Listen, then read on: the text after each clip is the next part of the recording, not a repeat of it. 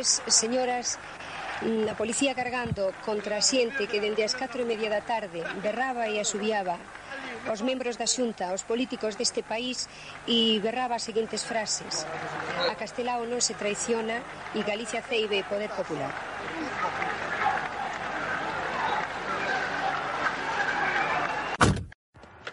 Batendo, programa radiofónico do Galiza Libre para escuitar devagar Reflexión para a Zón. O teu espazo en Radio Galiza Libre. Escúitanos e revolucionate.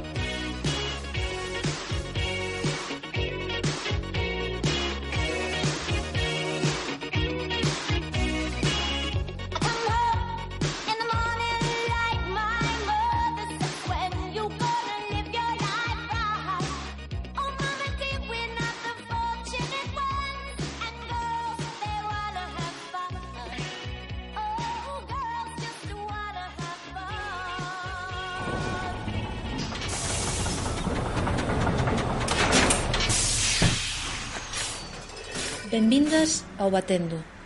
Un programa radiofónico pensado e realizado polo Galiza Libre.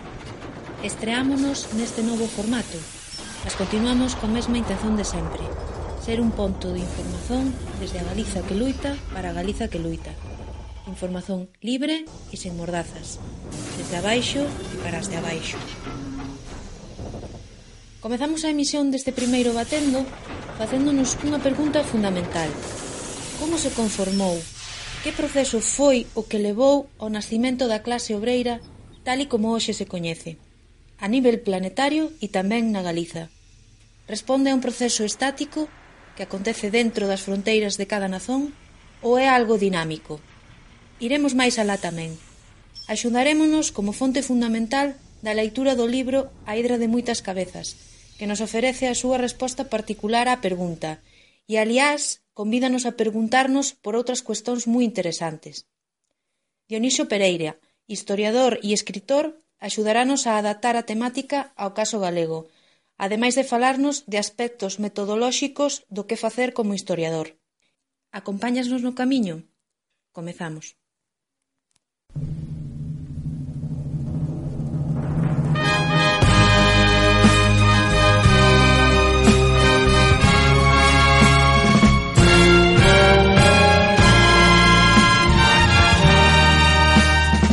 Agora tomo sol, pero hasta agora traballei 50 anos sin sosego. Comín o pan suando día a día Suando día a día Nun laborar arreo Gastei o tempo co xornal do sábado Paso a primavera Deu inverno Dinho patrón a flor do meu esforzo E a miña mocedade Nada teño. O patrón está rico a miña conta. O que non podemos negar é que estamos perante un libro vermello no sentido máis perturbador da palabra que é o que se refere ao facto de que serve para alimentar reflexións subversivas sobre o presente. todo me debe. Eu non che debo Eu non te debo Ni siquiera este sol que agora tomo. Mientras o tomo espero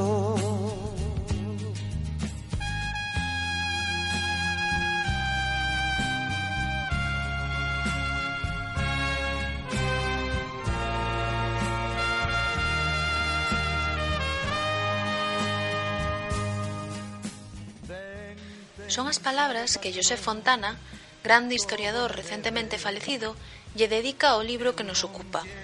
The Many Headed Hydra é o seu título orixinal, publicado no ano 2000. A tradución que manexamos no Batendo é a de Mercedes García Garmilla para o español, La Hidra de la Revolución. A versión en portugués é máis fidel ao título orixinal, A Hidra de moitas cabezas. Os autores do libro son catedráticos ambos en universidades dos Estados Unidos e pertencen ao grupo Midnight Notes, que ten un blog activo en Internet. Linebaugh realizou importantes traballos sobre a pena de morte e Rediker ten escrito sobre o mundo marítimo angloamericano. Podemos somar a esta breve presentación do libro que colleitou o premio da International Labour History logo da súa publicación. Quais son os aspectos fundamentais do libro? Na verdade é que resulta unha leitura moi bonita e evocadora. É un libro ben escrito e documentado, inspirador e aproveitável. Como non vamos poder centrarnos en todo, asinalaremos varios fíos dos que tirar.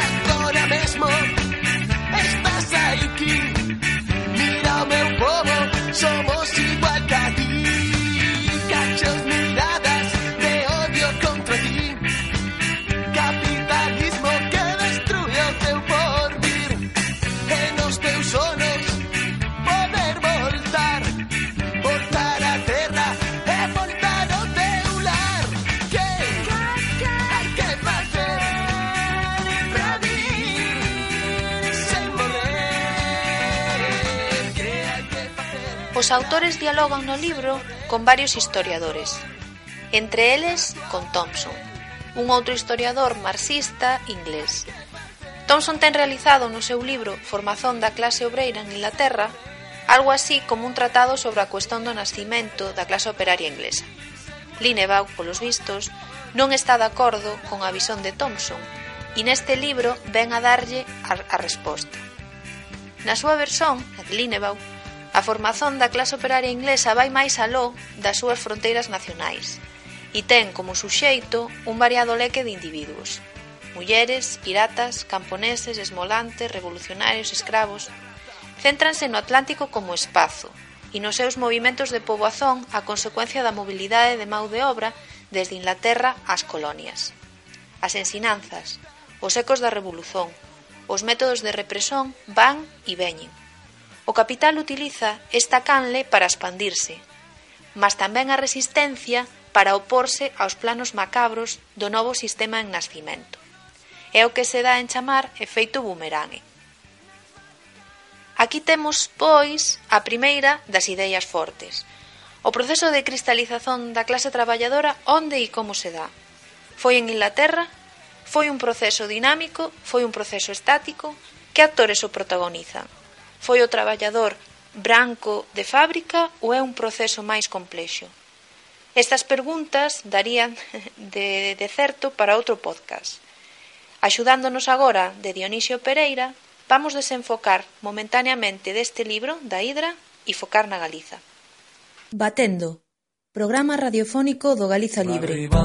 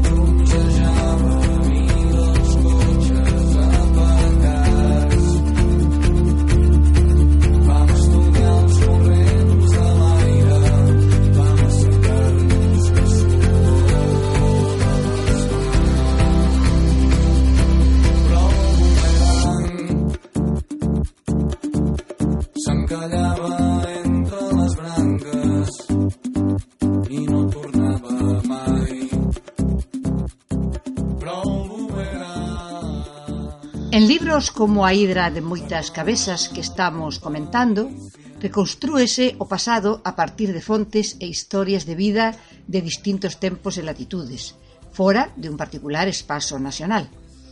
É posível explicar a formación da clase obreira galega a partir desta visón multinacional e de grande alcanzo cronolóxico? Bueno, boa tarde. Antes que nada, eh, teño que dicir que debido á miña delongada residencia no Magreb non puiden ter acceso ao libro, que, que tan só coñezo por varias recensións. Por tanto, apenas tive en ocasión de reflexionar verbos das súas teses. Porén, Galiza estaría nunha posición acaída para abordar dun xeito transnacional diversos aspectos do seu devalar, entre eles o da formación da súa clase operaria. Porque Galiza, xeográficamente illada por terra do resto da península, a non ser pola permeabilidade da fronteira con Portugal, ven sendo pola contra unha estratégica encrucillada marítima en absoluto periférica, por onde se intercambiaron ao longo do tempo ideas e persoas, persecucións e solidaridades. Como apuntou o antropólogo sueco de Beluso, Staffan, Mor Staffan Morling, Caliza non é fin da terra, é centro do mar. En referencia á clase operaria, debido ao seu illamento social nun país rural, fundamentalmente composto por un compeso tecido de pequenos propietarios, arrendatarios e foreiros, desde moi cedo estableceu estrategias para evitar a súa marxinación. Entre elas, o internacionalismo, desenvolvendo unha intensa dialéctica transnacional con outros proletariados tal que o portugués, en menor medida co francés, e por riba de todo co de numerosos países de Alemar, caso de Cuba, Argentina, Uruguai, Estados Unidos, Porto Rico, México, Panamá, Chile ou Brasil, actuando os emigrantes, moitos deles nabregos expropiados das súas terras comunais, como Gonzo.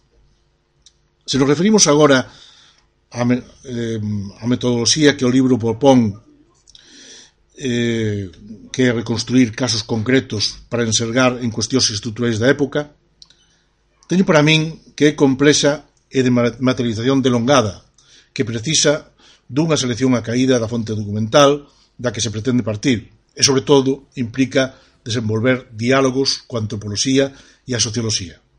Modestamente, enfilei un chisco ese rumbo no meu libro José Pasín, Memoria do Proletario Militante de Compostela, tentando desvelar o bulir dos momentos creais da cidade a cabalo de, de entre séculos, partindo eh, de das memorias inconclusas deste recoñecido ebanista compostelán.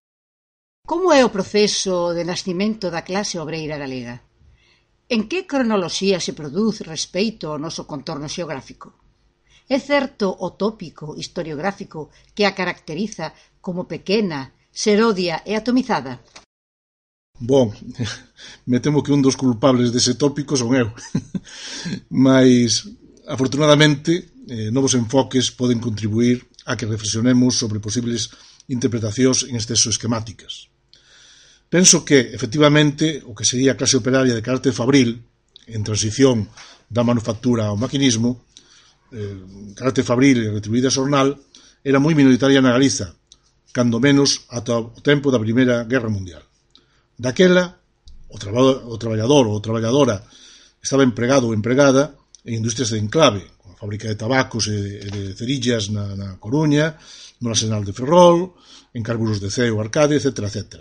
Estaba tamén eh, empregada, eh, empregado en tallos ou pequenas fábricas de regular tamaño, do metal ou da construción, dependentes da expansión urbana, e tamén na industria pesqueira, nos barcos de tracción mecánica desde fins do século XIX, e tamén nas auxiliares desta industria pesqueira, así como na salga, eh, na, industria, na industria da salga, na industria da conserva, e en especial o abundante proletariado feminino, cuxa presenza era moito máis relevante que noutras zonas do Estado, a excepción de Cataluña. Fora diso, a inmensa maioría do personal asalariado desenvolvía as tarefas en pequenas industrias familiares inseridas máis ou menos no mundo rural e vilego, contando, asemade, cunha componente artesán moi relevante. As súas primeiras manifestacións conflictivas acontecen xa no debalo do antigo réxime, caso da folga dos cargadores do sal de Vigo no ano 1797, o paro das tabaqueiras herculinas para protestar pola falta de materia prima no ano 1831, dos conflitos dos zapateiros e cordoeiros coruñeses nos anos 1855 e 1856 respectivamente, e da routada ludista das mesmas tabaqueiras no ano 1857. Malia que sabemos pouco dos inicios da organización operaria na Galiza vinculada ao cooperativismo interclasista de base múltiple, impulsada por activistas republicano-federais ou simpatizantes das ideas de Proudhon na década dos 60 do século XIX, semella que estas iniciativas chegan ao noso país con algún retraso verbo de Cataluña, onde xa existían alrededor de 1840. Porén, a independencia da clase operaria das diversas formulacións do republicanismo dase na Galiza de xeito temperán coa implantación da Primeira Internacional na Coruña dende 1870 e despois estendida esta implantación aos poucos a outras localidades galegas. Retornando á caracterización da clase traballadora galega, Entendo que o feito da maioría ter contornos clasistas pouco definidos debido ao influxo artesán e o persistente vínculo coa terra de moitos dos seus componentes e ser pouco homoxénea por causa dos trazos singulares de importantes segmentos como o proletariado feminino e os mariñeiros pescadores da frota artesanal, estas circunstancias non impediron que a minoritaria e organizada componente fabril levara a cabo até o período da Guerra Civil estrategias diversificadas para procurar a vinzas con outras capas oprimidas non asalariadas, caso do nivel, universo galego. De feito, foron os militantes operarios socialistas, anarquistas, republicanos, os impulsores primixenios do organismo organizado partindo do entorno das cidades. Tamén se procuraron avinzas cos pescadores artesanais, patróns e mariñeiros, retribuídos coas partillas, e tamén con outros eh, nichos sociais urbanos, entre eles, de xeito significativo, as amas de casa e as domésticas, nichos sociais susceptibles de confrontar co réxime da restauración pola carestía da vivenda, pola carestía das subsistencias ou pola aplicación de impostos abusivos caso dos chamados consumos.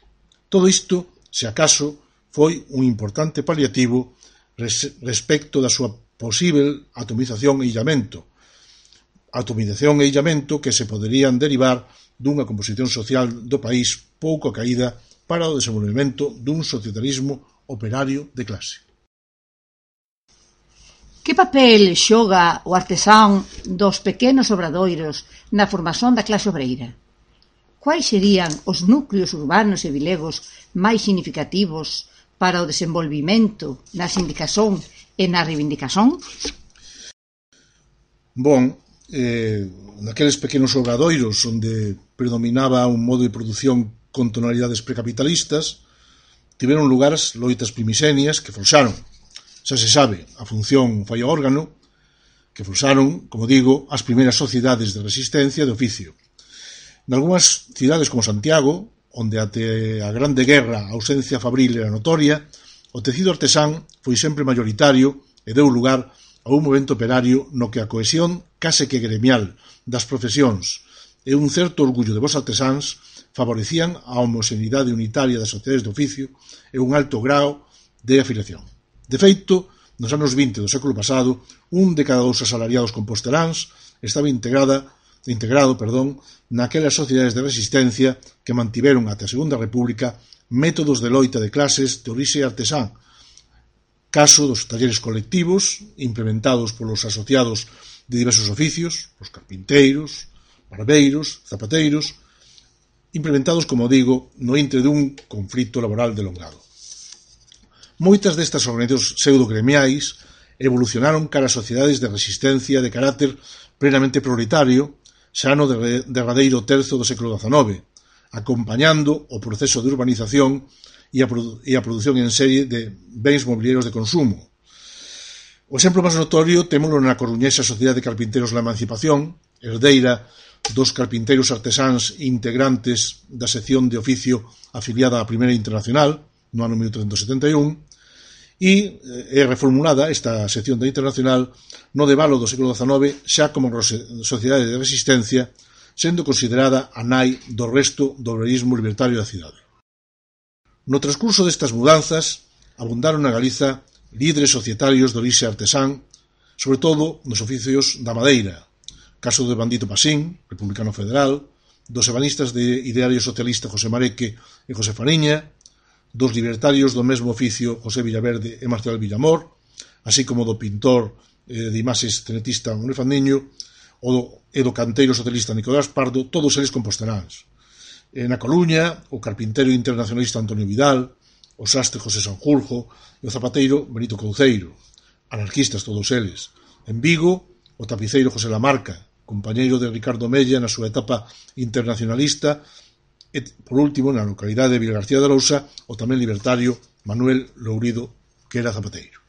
En calquera caso, esta fasquía artesán da clase traballadora galaica mantívose mesmo na etapa republicana, cando o sector da madeira, moi importante daquela, abranguía só 6.000 traballadores por conta llea, debruzados nos serradoiros espallados polo país adiante, por máis de catorce mil ebanistas e carpinteiros empregados en pequenos obradoiros de carácter familiar. En que medida a ubicación da Galiza como centro do Atlántico axudou a recepción e difusón cara ao exterior das ideas obreristas, quer socialistas, quer anarquistas? Máis concretamente, que papel desempeñaron os emigrantes retornados na conscienciación proletaria? Ben, a cousa é complexa, mas eh, ao fío da pregunta, a pregunta e tamén ao fío da proposta historiográfica de Linebaugh e Rediker, vou contar un conto fragmentario. Sabíades que na adega do Titanic, daquel transatlántico que fundiu no ano 1912, entre moitos milleiros de paquetes postais había un feixe deles con folletos anarquistas editados entre os anos 1911 e 1912 pola coruñesa Biblioteca Internacional, impulsada polo grupo ácrata Cultura Libertaria? Probablemente ían dirixidos a fogueiros Ferrolán Juan Martínez de la Graña, que asinaba Xanda Graña, e era un dos alicerces da organización na costa leste dos Estados Unidos dos traballadores do mar de diversas nacionalidades, moitos deles originarios da Beira Mar Galega e que naquel tempo implementaron a Unión de Fogoneros Industriales del Mundo. Esta unión foi un dos colectivos que en 1913 financiou a Escuela Integral de carácter Racionalista cita no barrio coruñés de Os Castros. Aqueles transatlánticos, tal que o holandés Helria, no que fixo prácticas o poeta anarco-independentista Manuel Antonio, tripulados por fogueiros e persoal de servizo de múltiples nacionalidades nas que destacaba a galaica, naqueles transatlánticos, digo, nas idas a América, amoreaban na cuberta da terceira clase un universo emigrante multinacional onde non faltaban os labregos galegos desposuídos das terras comunais e que logo serían empregados en Cuba como carboeiros na Serra Maestra ou como cortadores de caña en Nuevitas. Alí compartillaron explotación e miseria, cos fillos dos negros africanos que, se acaso, foran transportados outrora polos bergantíns fretados na Coruña ou Vigo por negociantes esclavistas autóctonos como Barrié, Eusebio de Aguarda e Marcial de la, de, de la Lariz, que, por certo, direivos que teñen rúa na Coruña. Ou estes emigrantes galegos que viaxaban a milleiros a América, quen sabe se tamén fraternizaron coa carne de canón desertora do exército español nas súas guerras contra os mambises e afincada na illa tras a independencia e que aínda conservaba o sotaque galaico. Non o sabemos, mas sería unha investigación realmente engaiolante. Nos retornos transatlánticos dende Bos Aires, Montevideo, Veracruz, New York ou La Habana, que enchía as cubertas daqueles grandes vapores era a migración fracasada e a de Anduriña, de ida e volta, a carón dos activistas como Ramón Suárez Picallo ou Antón Alonso Ríos que os lobbies galaicos de Argentina enviaron na etapa republicana para influir nas capas urbanas e darlle pulo ao agrarismo.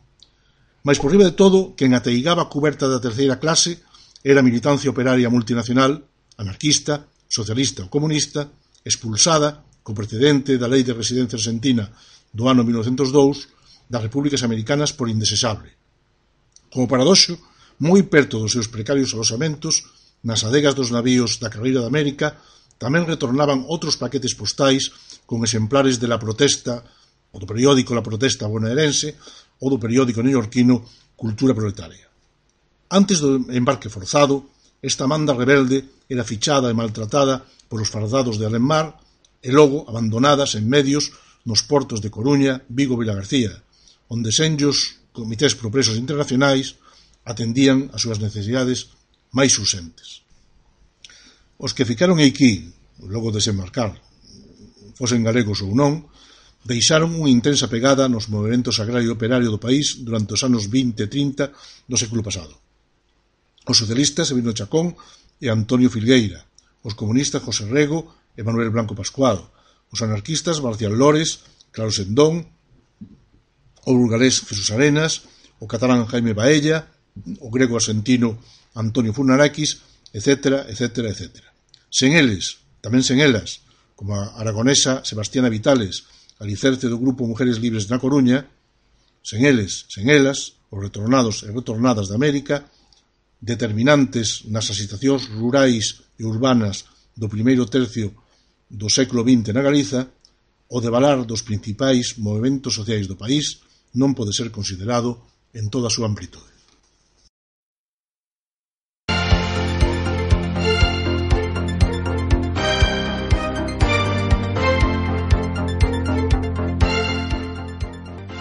comprendo que quienes están en posiciones distintas a las mías tengan que utilizar este argumento, pero claro, realmente eh, un vaso es un vaso y un plato es un plato y esto, créame.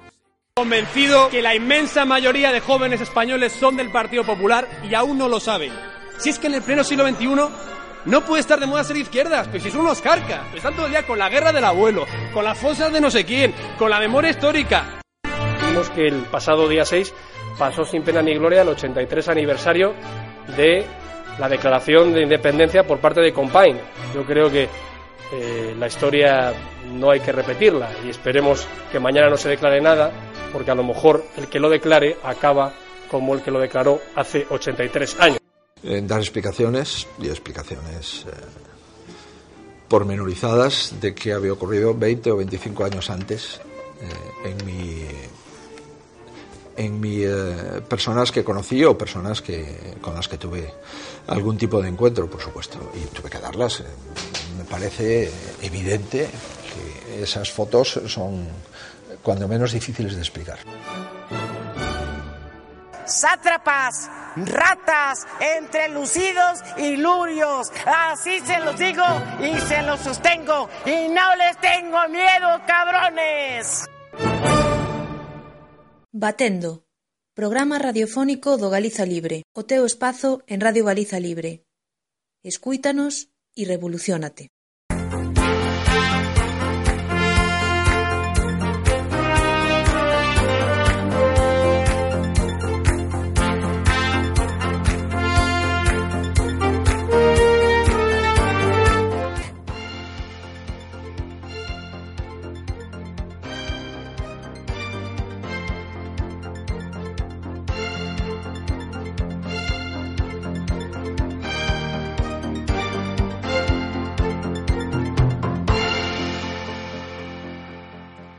Adam Smith, o primeiro en formular unha teoría completa do capitalismo, e Karl Marx, o seu crítico máis profundo, coincidiron no seu plantexamento da globalización. Ambos comprenderon as súas orixes marítimas e afirmaron que o descobrimento das rutas marítimas a, cara as Américas e as Indias Orientais marcou unha nova etapa na historia da humanidade. Aliás, os dous superon ver as súas consecuencias sociais. O feito de que a expansión da produción de bens colonizou de novo o globo e transformou a actividade laboral. É unha cita da Hidra da Revolución que queríamos tracer á tona para continuar coas explicacións e ideas que o historiador Dionisio Pereira está partillando con nós a respeito do nascimento e formación da clase obreira na Galiza. Difusión de ideas e proletariado simbiótico van ser dous dos temas que vai desenvolver a partir de agora. Que relevo tivo a difusión de ideas obreiristas a través da cultura, o ateneísmo e a letra impresa?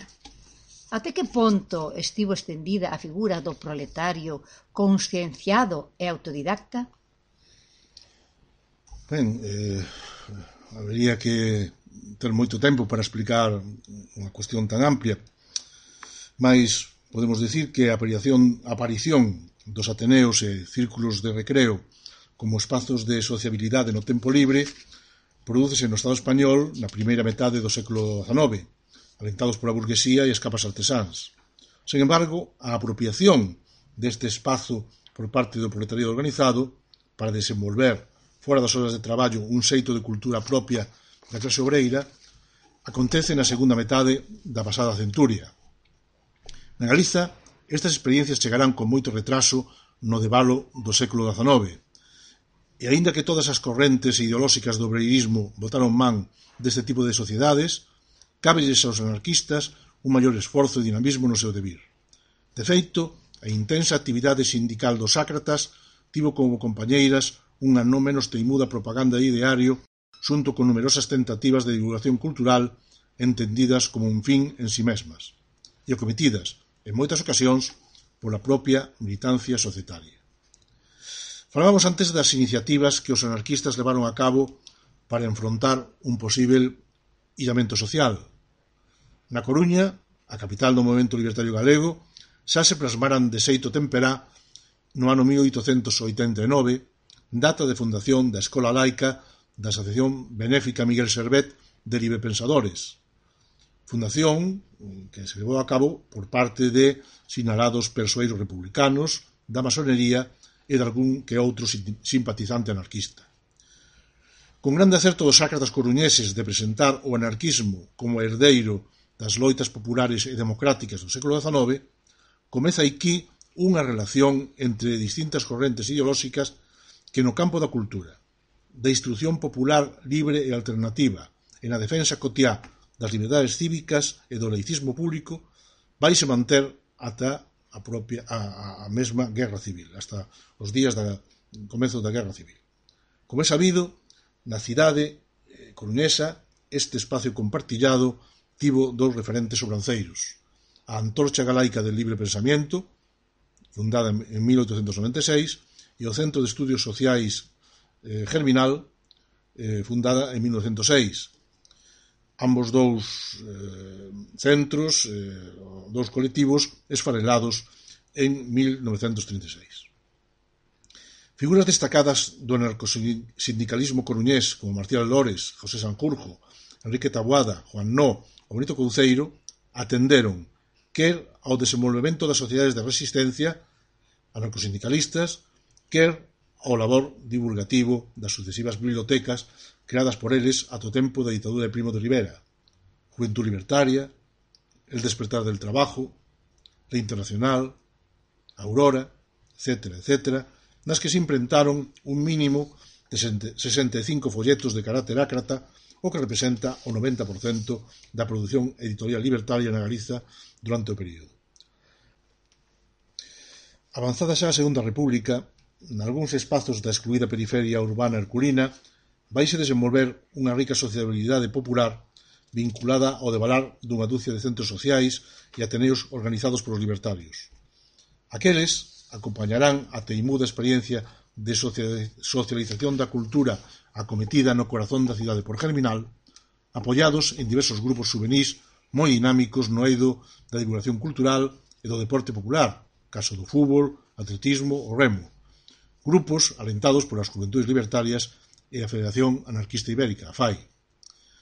Cando no fatídico verán do ano 36 os falanxistas convertan libros en borralla, os estantes da biblioteca de Germinal contaban con máis de 8.000 títulos que iban dende o padre, o famoso catecismo do padre Astete, ata a, a produción eh, historiográfica eh, sociolóxica de Kropotkin. Era a biblioteca de, de Germinal, de lonxe, a mellor biblioteca pública de, da cidade e por ela pasarán milleiros de cidadáns de toda, de toda condición. Naquel tempo republicano era relativamente doado atopar militantes de acción que mesmo debían sair á rúa con garda, costas, pero que tiñan, ao tempo, a casa chea de libros e revistas. Podo darvos fe porque coñecín directamente algún deles, ou, ou as súas familias o fogueiro Manuel Montes, alicerce da Federación Nacional de Industria Pesquera, o compostelán Manuel Fandiño, que desempeñou en máis de unha ocasión a Secretaría da Confederación Regional Galaica da CNT, que mesmo tiña a súa bañeira ocupada pola literatura, e o secretario da Federación Local Obrera Coruñesa, no intre do golpe militar de 1936, José Moreno, entre outros moitos. Precisamente me refiro a José Moreno cando falo de esta xente de acción que ás veces, pois, eh, para, pola súa seguridade, tiña que andar eh, rodeada de, de gardacostas, por aquelo dos, dos esquirois ou dos fascistas. Non? Pero eso non impedía que Moreno tivera a súa casa chea, chea de libros.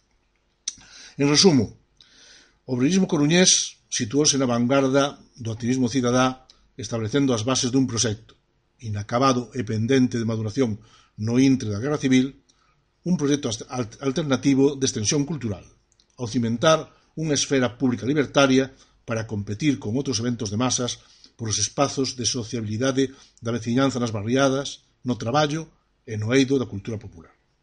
Todo elo posibilitado, hai que dicilo, quer por a sensible mellora da instrucción básica durante a etapa republicana que diminuiu moito o analfabetismo, quer polo avance da condición proletaria derivado dunha intensísima conflictividade sociolaboral que foi aumentando paulatinamente eh, os jornais e reducindo a xornada de traballo. Existiu e aínda existe, aínda que en menor medida, un proletariado simbiótico. Como condicionou esta formación de clase a luita social na Galiza? Ben, resumindo moito esta, esta cuestión que tamén daría para, para moito tempo, O modesto proceso de urbanización acontecido na Galiza dende mediados do século XIX ata os anos 30 do século pasado e o desenvolvemento do sectores secundario e terciario nas vilas e cidades incentivou a migración labrega aos espazos urbanos, singularmente a Coruña, Vigo e Ferrol. Nese período percíbese a creación de novas capas asalariadas de procedencia rural, sen ningunha tradición proletaria, afincadas nos arrabaldes de vilas e cidades a carón dos antigos habitantes do que agora sería un espazo semiurbano no que era frecuente a dedicación ás tarefas do campo a tempo parcial. Así, amplos espazos daqueles tres municipios e dos seus colindantes convertéronse en terra de ninguén onde a veciñanza alternou o cuidado, o cuidado das terras e da facenda co traballo na edificación das novas barriadas. Velaí a conformación dun proletariado simbiótico que, asemade, se ve incrementado tras o desenvolvemento do transporte por estrada que posibilitou un fluxo diario de numerosos traballadores e traballadoras de orixe labrega que residían nas proximidades e continuaban a atender as súas terras. Así, o famoso tren obreiro que unía Coruña con Betanzos era utilizado cada mañá e cada serán por milleiros de persoas ocupadas na capital coruñesa que regresaban na tardiña aos seus domicilios. E o propio acontecía co tranvía urbano, interurbano de Sada ou, mm, nos casos de Vigo e Pontevedra, cos tranvías interurbanos de Bayona e Gondomar e de, e de Marín, respectivamente. Tamén a envergadura de determinadas obras públicas, acometidas entre os anos 20 e 30, caso do camiño de ferro Zamora-Coruña, deu lugar á aparición dun tipo de carrilano, o sea, dun tipo de traballador da vía, a cabalo entre os labores subalternos na vía e o traballo agrario. Isto, por exemplo, foi moi, moi común en toda a zona das eh, zonas de, das, das Frieiras, das zona eh, Bisbarra de Laza, de Bisbarra de, de Berín, ou da zona de, de Baños de Molgas, en Ourense, obviamente. A aparición e persistencia prácticamente a todos os nosos días deste proletariado simbiótico, cuxa orixe labrega era aínda moi sentida, tivo unha fonda repercusión nos comportamentos conflictivos da clase operaria galaica durante o primeiro terzo do século XX e máis concretamente na construción dun dos trazos máis sinalados da súa identidade, ou seja, a grande capacidade de resistencia deste proletariado galaico. Con carácter xeral, podes afirmar que o referido vencello de moitos operarios e operarias da terra producía certamente traballadores ou traballadoras con pouca tradición proletaria e cativa combatividade, mas polo contrario posibilitaba unha maior capacidade de resistencia cando estoupaban os conflitos urbanos ou no mundo do mar, pois en numerosas vilas da Beira Mar tamén os mariñeiros posuían pequenas parcelas de terreo cultivable. Como consecuencia, en tempos especialmente revoltos, como os anos vermellos posteriores á Revolución Rusa ou na Segunda República, a perda de horas de traballo nos conflitos laborais acontecidos na Galiza foi moi importante. Outro aspecto relevante relacionado con esta tipoloxía proletaria foi o seu protagonismo na devandita conformación do garismo primisenio nas bisbarras limítrofes das cidades, nas contornas das cidades. Unha organización alentada, como xa dixen antes, dende a influencia da respectiva organización proletaria. Pois eh, estos militantes obreiros que ao mesmo tempo vivían nesta zona semiurbana atendendo eh, a tempo parcial eh, as, súas, as súas pequenas eh, propiedades, pois xugaron un papel moi relevante na conformación deste primeiro eh, agrarismo eh, a fins do século XIX. Ao cabo, o proletariado simbiótico, simbiótico galego chegou ata nosos días, favorecido polo traslado da infraestructura fabril dos centros urbanos os polinos industriais creados nas proximidades das cidades, de maneira que a población rural residente nesa contorna compartillou, a partir de entón, co proletariado urbano o plantel das empresas, sen deixar de atender as faenas agrarias a tempo parcial. Podo acreditalo, pois durante sete anos traballei nunha empresa do sector electromagnético radicada a 15 km da Coruña, cusa plantilla era a 50, o 50% de residencia rural e de residencia urbana, e os seus comportamentos á hora da conflictividade laboral se de uns e outros se complementaban. Foron as palabras que Dionisio Pereira partillou amabelmente co Batendo. Pereira ten publicado múltiplos libros, coordenado outros e colaborado en outros tantos. Da súa autoría son A CNT na Galiza, Sindicalistas e Rebeldes ou Emigrantes exilados e perseguidos, a comunidade portuguesa na Galiza. Escritos africanos entre Galicia e el Rif, unha mirada desde la periferia é o último libro da súa autoría, que se apresentará en Melilla no mes de abril. Aguardamos que de volta na Galiza sexa presentado aquí tamén. Non hai cultura no estado miseria Só hai paus e policía. Non hai comida no estado miseria Só hai banqueiros e policía. Non hai liberdade no estado miseria Só hai militares.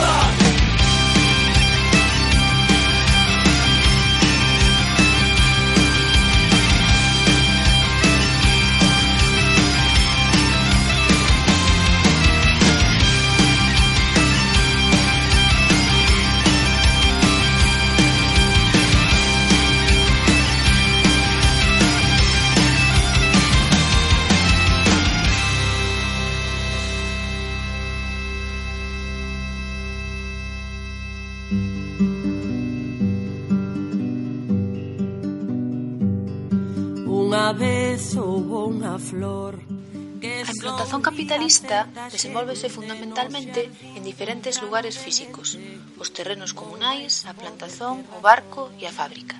Esta é unha das ideas forzas do noso libro. Os autores analizan este proceso durante quase dous séculos e o que constatan é que o novo sistema se implanta con grande violencia e co uso de propaganda. Unha propaganda aceda da que son obxeto os individuos que pretende subxugar, nunha relación perversa de odio, persecución e ao mesmo tempo necesidade e dependencia. É a persecución á hidra de moitas cabezas, terror disfrazado de limpeza ou de guerra santa, e foi un terror centrado especialmente nas mulleres. A súa ferocidade máis intensa tivo lugar nos anos 1550-1650, máis ou menos, cando se calcula que se queimaron máis de 4.000 mulleres no que se denominou caza de bruxas. Silvia Federici, no seu libro Calibán e a bruxa, trata moi acertadamente este tema. Moitas flores do redor de xardíns de alleas terras Tamén podemos centrar o foco na propaganda. A análise da literatura da época, das pezas de teatro, das obriñas de tipo moralista dá conta da utilización do mito de Hércules por parte da ideoloxía do poder.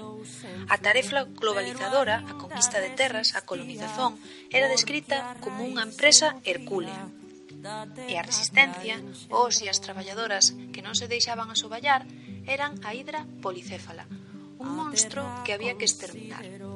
De facto, Francis Bacon e outros intelectuais contemporáneos estaban a favor da pena de morte contra o que denominaban chusma, e que eran indios occidentais, cananeos, piratas, bandoleiros, asasinos, amazonas e anabautistas, Hércules encarna o papel de novo home conquistador.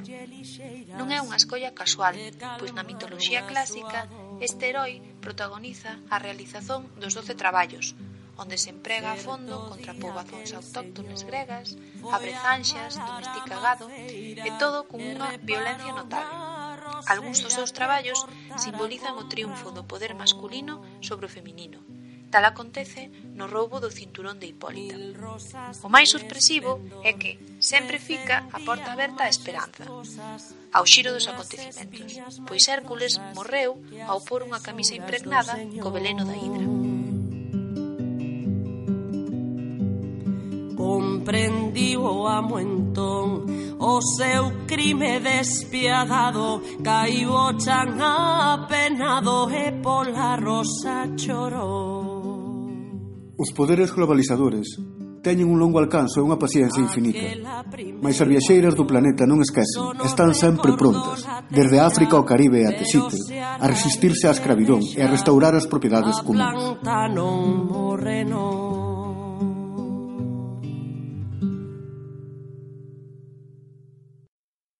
Até aquí chegamos co Batendo, o podcast de reflexión e azón do Galiza Libre. Aguardamos que fose do voso agrado. Se queredes achegar ideas, críticas e suxerencias, enviainos un mail a info@galizalibre.com. Entre todas, sempre mellor. Até a próxima. Batendo, programa radiofónico do Galiza Libre. O teu espazo en Radio Galiza Libre. Escúitanos e revolucionate.